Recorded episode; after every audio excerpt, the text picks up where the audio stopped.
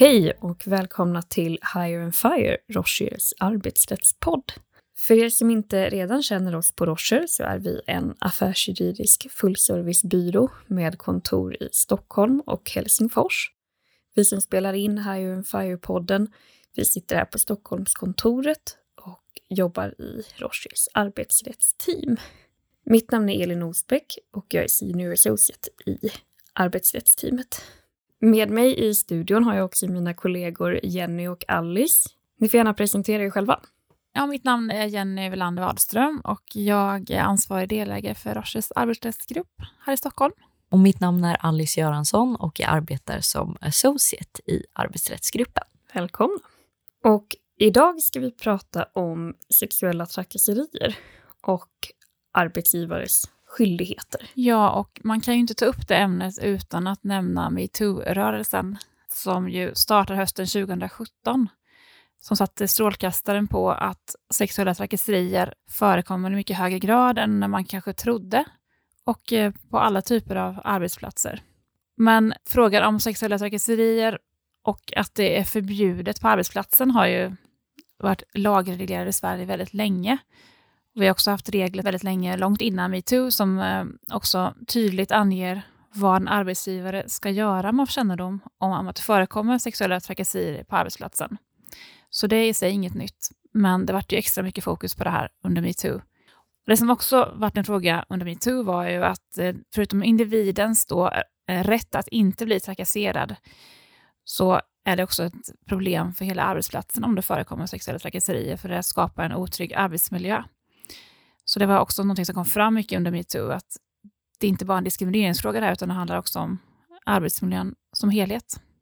Och idag tänkte vi prata om dels vad sexuella trakasserier är för någonting, för det är inte helt enkelt att eh, förstå och det kanske lite grann då varierar utifrån sammanhang. Men det finns vissa parametrar man tittar på. Men sen ska vi också prata om då vad arbetsgivaren har för skyldigheter när det gäller att utreda vad som har hänt, men också att förhindra att det händer igen och lite hur man kan jobba generellt med att eh, se till att det inte förekommer på ens arbetsplats.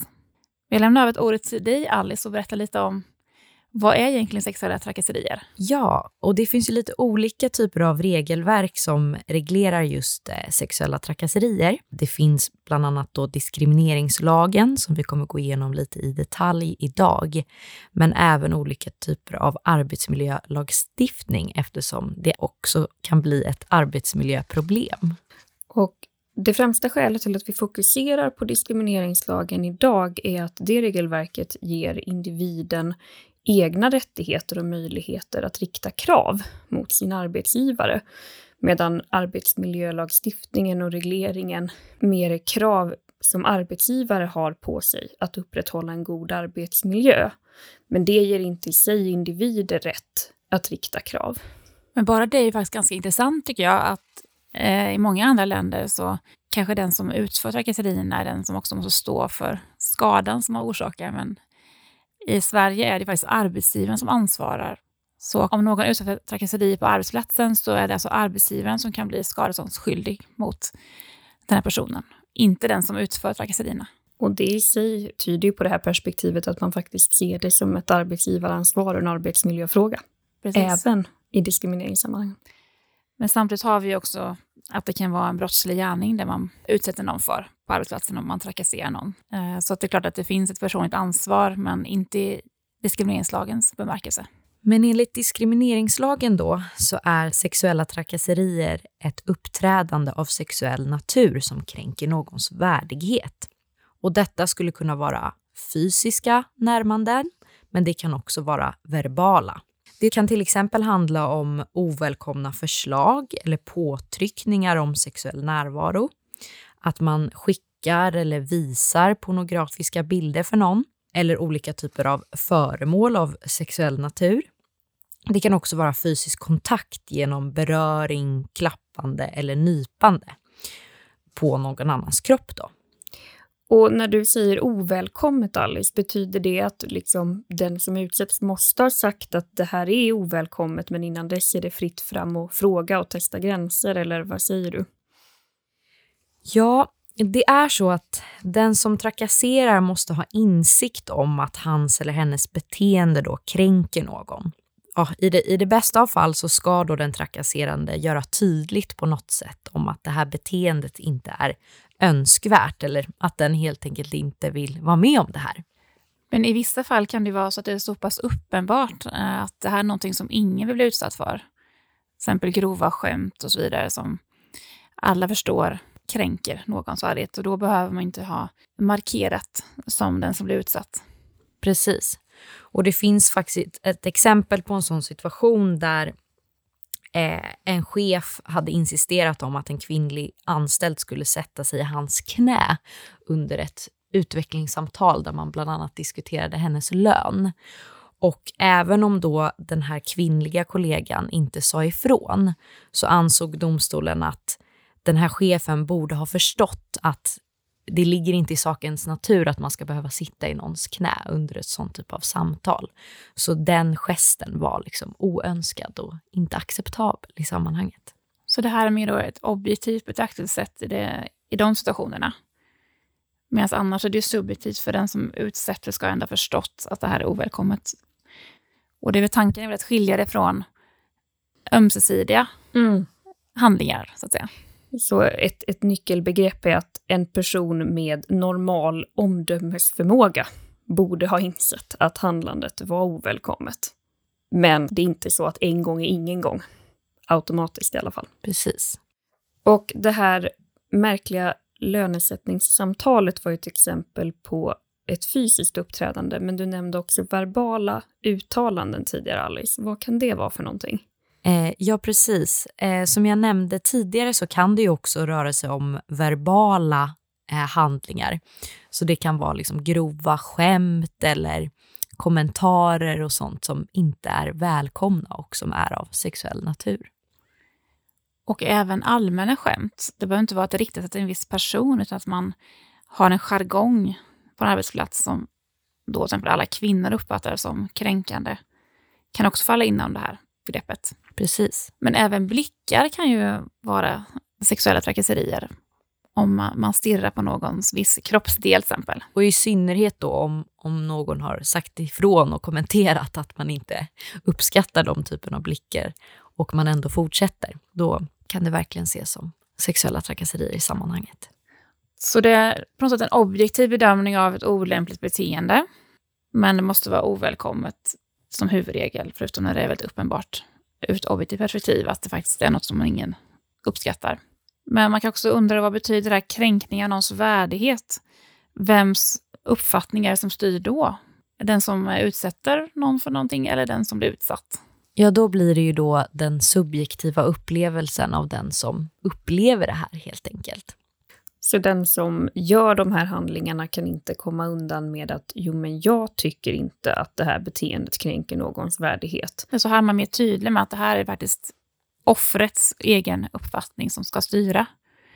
Så det är bara när det gäller ovälkomna inslaget där man faktiskt tittar på mer objektivt och att den som då utsatt persontrakasserier, att den måste förstått att det här inte var välkommet.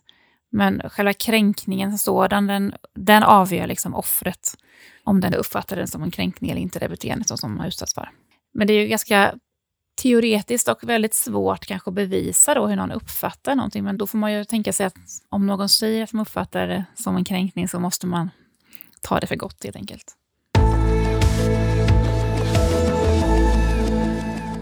Men vad ska en arbetsgivare göra då om man får veta att det kan ha förekommit sexuella trakasserier på arbetsplatsen?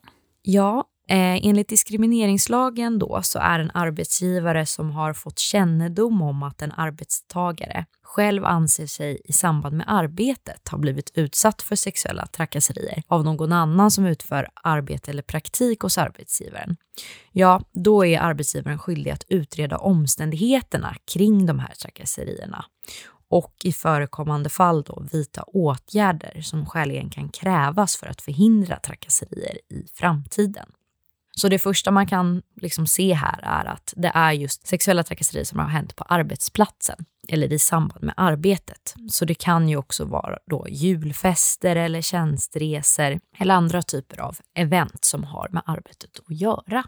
Och där är man ju ganska frikostig tycker jag i praxis. Det är inte så att det måste ha skett på arbetsplatsen, utan det som är ganska vanligt är ju att man har en julfest och sen går några vidare och då spårar det ur på något sätt. Eh, och det, även det omfattas ju av, av begreppet att det har skett i samband med arbetet.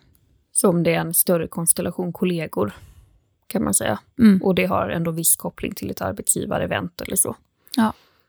Och du Alice nämnde ju att arbetsgivaren ska ha fått kännedom om att någon anser sig ha blivit utsatt för sexuella trakasserier. Men betyder det att det måste vara den personen som kommer att berätta det för en chef eller hur ser den kännedomsprocessen ut? Och här är också ganska öppet. Det spelar ingen roll hur arbetsgivaren får kännedom om det. kan vara ett rykte eller någon annan som kommer och berättar att de har sett något. Då kickar den här utredningsskyldigheten in. Men självklart så är det ju väldigt svårt att utreda någonting om man inte får den som är utsatt för det att göra en formell anmälan eller beblandas i utredningen. Så det har ju betydelse för den fortsatta hanteringen hur man fick kännedom. Men för den legala skyldigheten att försöka utreda så räcker det att man får höra ett rykte egentligen. Men om man då har fått den här kännedomen som arbetsgivare om att det kan ha förekommit sexuella trakasserier är det ju dags att utreda. Och vad betyder det? Hur kan man göra det? Ja, det beror för första på hur man fick kännedomen, för det blir ju som sagt var lite svårare eh, att hantera om man inte har någon anmälan från den som blir utsatt. Men man måste gå väldigt försiktigt fram. Ett första råd, för det måste hållas i en väldigt liten krets, den här utredningen.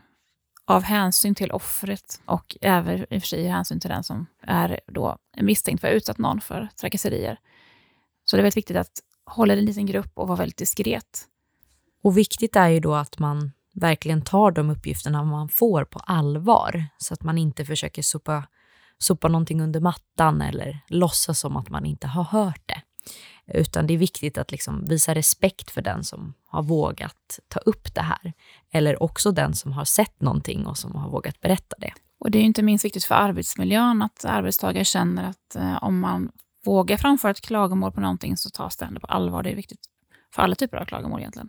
Och jag tänker att en annan viktig sak är också att man respekterar önskemålen från den person som verkar ha utsatts för sexuella trakasserier, hur den personen vill att utredningen ska tas vidare. Absolut. Och det kan ju vara ganska frustrerande som arbetsgivare, för man vill ju gå till botten med vad som har hänt. Men samtidigt så måste man respektera då den som är utsatts önskemål. Om en person kommer och anmäler att han blivit utsatt för någonting, men säger att ni får inte prata med någon om det här, då får man inte göra det heller, i min åsikt. Utan eh, då måste man sätta den här personens intressen först. Och det gäller ju även i, i ett senare skede om det skulle bli aktuellt till exempel med någon sorts konfliktlösning. Att man inte kan påtvinga de inblandade att nu ska vi sitta här och medla mellan er och så ska alla bli kompisar. Det blir väldigt stor press då på den som har anmält. Och då kommer också arbetsmiljön in där ju. Där man kan vara angripa på ett generellt plan. Är man för får utreda frågan så kan man jobba med eh, att eh, berätta om att man har nolltolerans eh, mot sexuella trakasserier på arbetsplatsen, jobba med kulturfrågor brett och eh, involvera de anställda, göra en medarbetarundersökning eller sådana typer av åtgärder som inte riskerar att hänga ut då den som har anmält. Ja, jag tänker också att man under utredningen om man eh, beslutar då att man ska göra en utredning, att man faktiskt eh, också dokumenterar det här skriftligen. Eh, så att man har på papper att man har vidtagit eh, nödvändiga åtgärder. Absolut. Det är viktigt att föra en logg över vilka åtgärder man tar, vem man pratade med och vem som sa vad, för att kunna visa på att man har gjort en utredning, men också för sin egen skull, för att kunna reda, hålla reda på vem som sa vad och när. Det är nästan som en polisutredning det här, att det är detaljerna som avgör. För arbetsgivaren ska ju försöka komma fram till om det har hänt någonting, har det varit sexuella trakasserier eller inte? Det blir en ganska noggrann utredning man måste göra för att kunna komma till ställningstagande. Och den kan man ju, för att gå händelserna i förväg lite grann, också ha nytta av när man sen tar ställning till det som har hänt. Eftersom det kan vara så att man känner att man behöver säga upp eller har skäl för uppsägning av den person som har utsatt någon annan för sexuella trakasserier. Och då kan ju utredningen också bli ett viktigt verktyg i att veta om man har grund för uppsägning.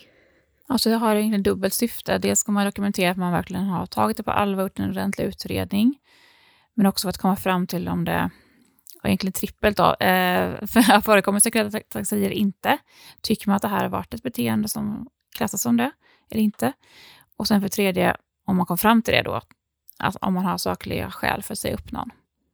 Men samtidigt är det viktigt också att det här inte sprids, den här utredningen, den här loggen, utan jag rekommenderar alltid att man håller det till en viss person på HR som har all information. Och sen kanske man kan dela med andra för att kunna bolla eller fatta beslut valda delar, men det finns ingen anledning att fler personer ska veta vem som sagt vad, till exempel, utan det räcker att man, att man får en avanonymiserad version av utredningen i så fall. Är det bråttom att göra utredningen? Finns det någon tidsfrist att förhålla sig till? Ja, eh, enligt förarbetena då till eh, diskrimineringslagen så ska arbetsgivaren utan dröjsmål ta reda på närmare om omständigheterna. Och generellt sett kan väl sägas då att man måste vidta åtgärder direkt. Igen, man kan inte sopa grejer under mattan och låtsas som att man inte visste om det, utan det är viktigt att vidta åtgärder direkt.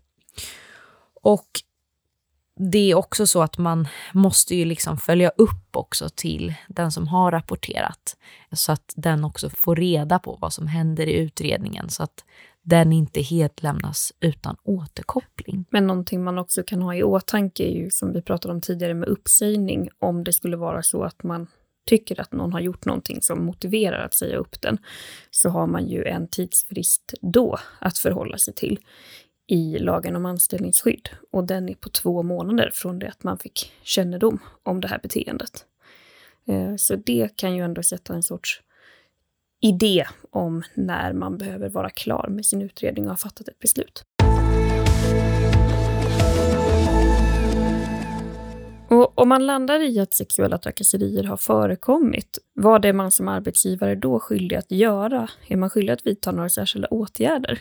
Ja, generellt sett kan sägas då att man är skyldig att vidta skäliga åtgärder med anledning av det som har kommit fram. Och det kan ju vara olika saker från gång till annan beroende på vad som har hänt. Och det kan både rikta sig mot den som då har utsatt någon för sexuella trakasserier, mot den som har drabbats, men också förstås mot arbetsplatsen som helhet.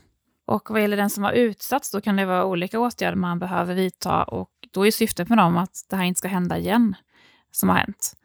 Det kan vara allt från att man har ett allvarligt samtal med någon och eh, uppmanar att eh, inte göra så här igen. Eller så tar man mer formella åtgärder. Det kan ju vara allt från skriftlig varning till omplacering, till uppsägning och till och med avskedande beroende på hur allvarligt det som har hänt är då. Och då är det ju lagen om anställningsskydd egentligen som sätter gränserna. Mm. Eh, och anställningsavtalet då vad gäller möjligheten att omplacera. Ja. Sen vad gäller den som har utsatts så handlar det om att stötta den personen att eh, våga vara kvar på arbetsplatsen helt enkelt och känna sig trygg där. Det kan vara allt från att man eh, tar in företagshälsovården och ger stödsamtal, men också att man informerar om vilka åtgärder man har vidtagit då mot den som har utsatt personen och också arbetsplatsen generellt, så att man känner sig trygg med att gå tillbaka till arbetet om man nu har varit hemma under tiden man har utrett det här. Ja, och även om man håller utredningen i en så liten krets som möjligt så har ju ändå information om sånt här en tendens att sprida sig. Mm. Så en viktig del kan ju också vara att kommunicera på ett tydligt sätt till organisationen att man inte accepterar den här typen av beteende, att igen hänvisa till de policies och riktlinjer man har på plats mot sexuella trakasserier så att man är tydlig mot de som finns på arbetsplatsen. Ja, ofta är det väldigt bra att ha en utbildningsinsats i samband med att något sånt här har hänt. För att förstärka då att man verkligen efterlever de policies man har. Men också kanske jobba med mer kulturella frågor. Varför har det här hänt? Det var något som gjorde att det kunde gå under radarn längre än man hade velat. Varför vågade ingen anmäla direkt och så vidare. Sånt måste man ju också gå till botten med och försöka reda ut och eh, förbättra framtiden. Men på den lite mer positiva och uppbyggliga sidan då så ska man ju arbeta proaktivt, tycker vi, mot sexuella trakasserier. Och då finns det viss dokumentation som man ska ha på plats. Precis, och det här är ju inte bara något som vi tycker, det står faktiskt i lagen också, eller hur? Precis, vi tycker som lagen. Som arbetsgivare är man skyldig att ha riktlinjer mot sexuella trakasserier och att tydliggöra att sexuella trakasserier inte accepteras på arbetsplatsen. Ibland talar man om nolltolerans. Ja, det ska alltså finnas ett dokument som säger att eh, här på den här arbetsplatsen accepterar vi inte sexuella trakasserier. Och man måste också ha i skrift på ett sätt som alla kommer åt hur man ska göra då om man bevittnar någon typ av trakasserier eller själv blir utsatt för det. Vem ska man kontakta? Och man är också klokt i att se till att anställda känner sig trygga med att kontakta just den här personen. Så man är tydlig med vem som har huvudansvaret för att eh, göra den här utredningen och hur man kommer göra för att följa upp utredningen, vilka typer av åtgärder som kan vara aktuella. Och också vara tydlig med att de anställda är skyddade från repressalier. Det är inte så att man ska utsättas för påtryckningar om man framför någonting sånt här. När det gäller att få anställda att våga anmäla, de måste känna sig trygga med att det här kommer skötas diskret eh, och att de inte själva kommer bli utsatta för repressalier om de anmäler något de har sett eller själva blivit utsatta för.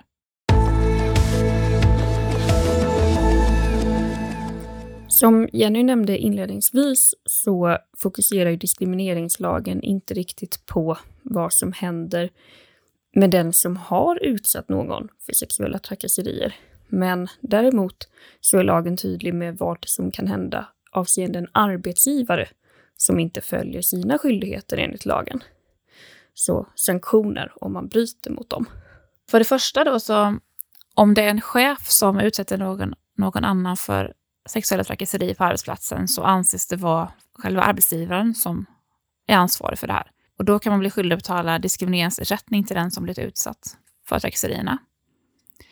Är det andra anställda som eh, trakasserar så har man inte samma skyldighet att betala diskrimineringsersättning just för att det har hänt. Men däremot om man inte uppfyller sina skyldigheter att utreda eller vidta åtgärder då när det väl kommer till en kännedom då.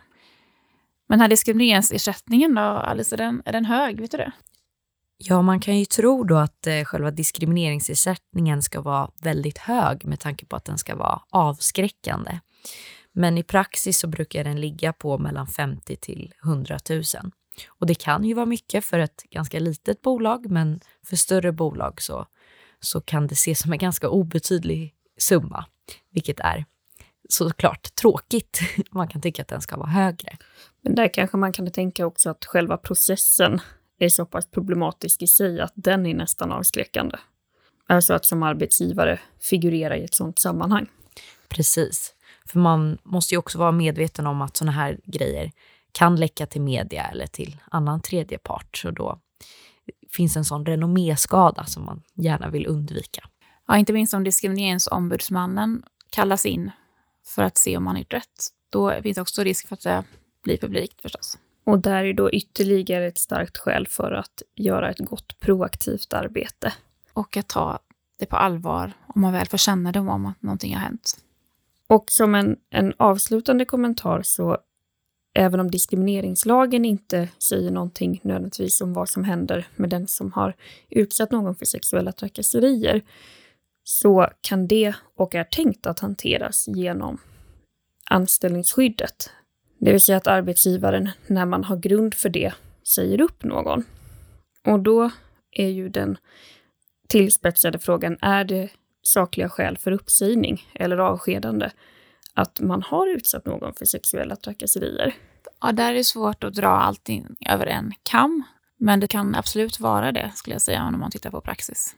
Och i synnerhet om det har förekommit flera fall för upprepat beteende, så verkar domstolen tycka att det, det är sakliga skäl för uppsägning. Man tar väldigt allvarligt på det, skulle jag säga. Och eh, om det är något grovt som har hänt så kan det absolut också vara skäl för avskedande. Så från praxis har vi sett att fysiska närmanden kan i princip direkt utgöra sakliga skäl för uppsägning. Och verbala eh, kränkningar verkar behöva vara ett par stycken, men det kan ändå vara nog. Och är någon av dem allvarligare så kan det som Jenny sa vara grund för avskedande direkt. Ja, för att summera då lite vad vi har pratat om idag så är ju sexuella trakasserier inte bara en fråga om diskriminering och förhållande till diskrimineringslagen, utan det kan även bli ett arbetsmiljöproblem. Så det är viktigt att man eh, vidtar åtgärder direkt och att man också har liksom, rutiner och dokument för hur man ska hantera sådana här situationer. Och sexuella trakasserier kretsar då kring begreppen sexuell natur, missgynnande, oönskat beteende och att också då den som gör någonting har insikt eller borde ha insikt om att det här beteendet inte är önskat. Det är också viktigt i sammanhanget att den här handlingen har kränkt någons värdighet. Och vad har arbetsgivaren för skyldigheter då? Arbetsgivaren måste då, som vi har nämnt, eh, fortlöpande bedriva förebyggande och främjande arbete mot att sexuella trakasserier ska förekomma då. Och det är möjlighet att integrera arbetet med olika åtgärder såsom att man håller utbildningar om det här eller att man då skriver mycket skriftliga dokument så att det finns information om vad som gäller. Om man får kännedom om någonting som har hänt eller kan ha hänt så måste man utreda det. Men man måste också vara väldigt försiktig när man utreder och heten ha den som har utsatts bästa för ögonen. Och om man bryter som arbetsgivare mot sina skyldigheter, vad finns det då för sanktioner? Då finns det ju då föreläggande som man kan få från Diskrimineringsombudsmannen om att man måste vidta olika åtgärder för att man inte har gjort en tillräckligt bra eller att man inte har gjort en utredning överhuvudtaget. Och det kan även vara så att man är skyldig att betala viss diskrimineringsersättning. Och ett sånt här föreläggande från Diskrimineringsombudsmannen eller Arbetsmiljöverket kan ju också förenas med vite. Om man då inte följer de instruktioner man har fått. Och vi tycker att vi ser ändå att uh, metoo hade en positiv inverkan på hur mycket vikt man lägger vid de här frågorna på arbetsplatserna. Och att många arbetsgivare är väldigt duktiga idag med att jobba med de här frågorna aktivt. Så det hoppas vi ska fortsätta och bli ännu bättre. Och med de orden är det dags att avsluta det här avsnittet av Higher and Fire.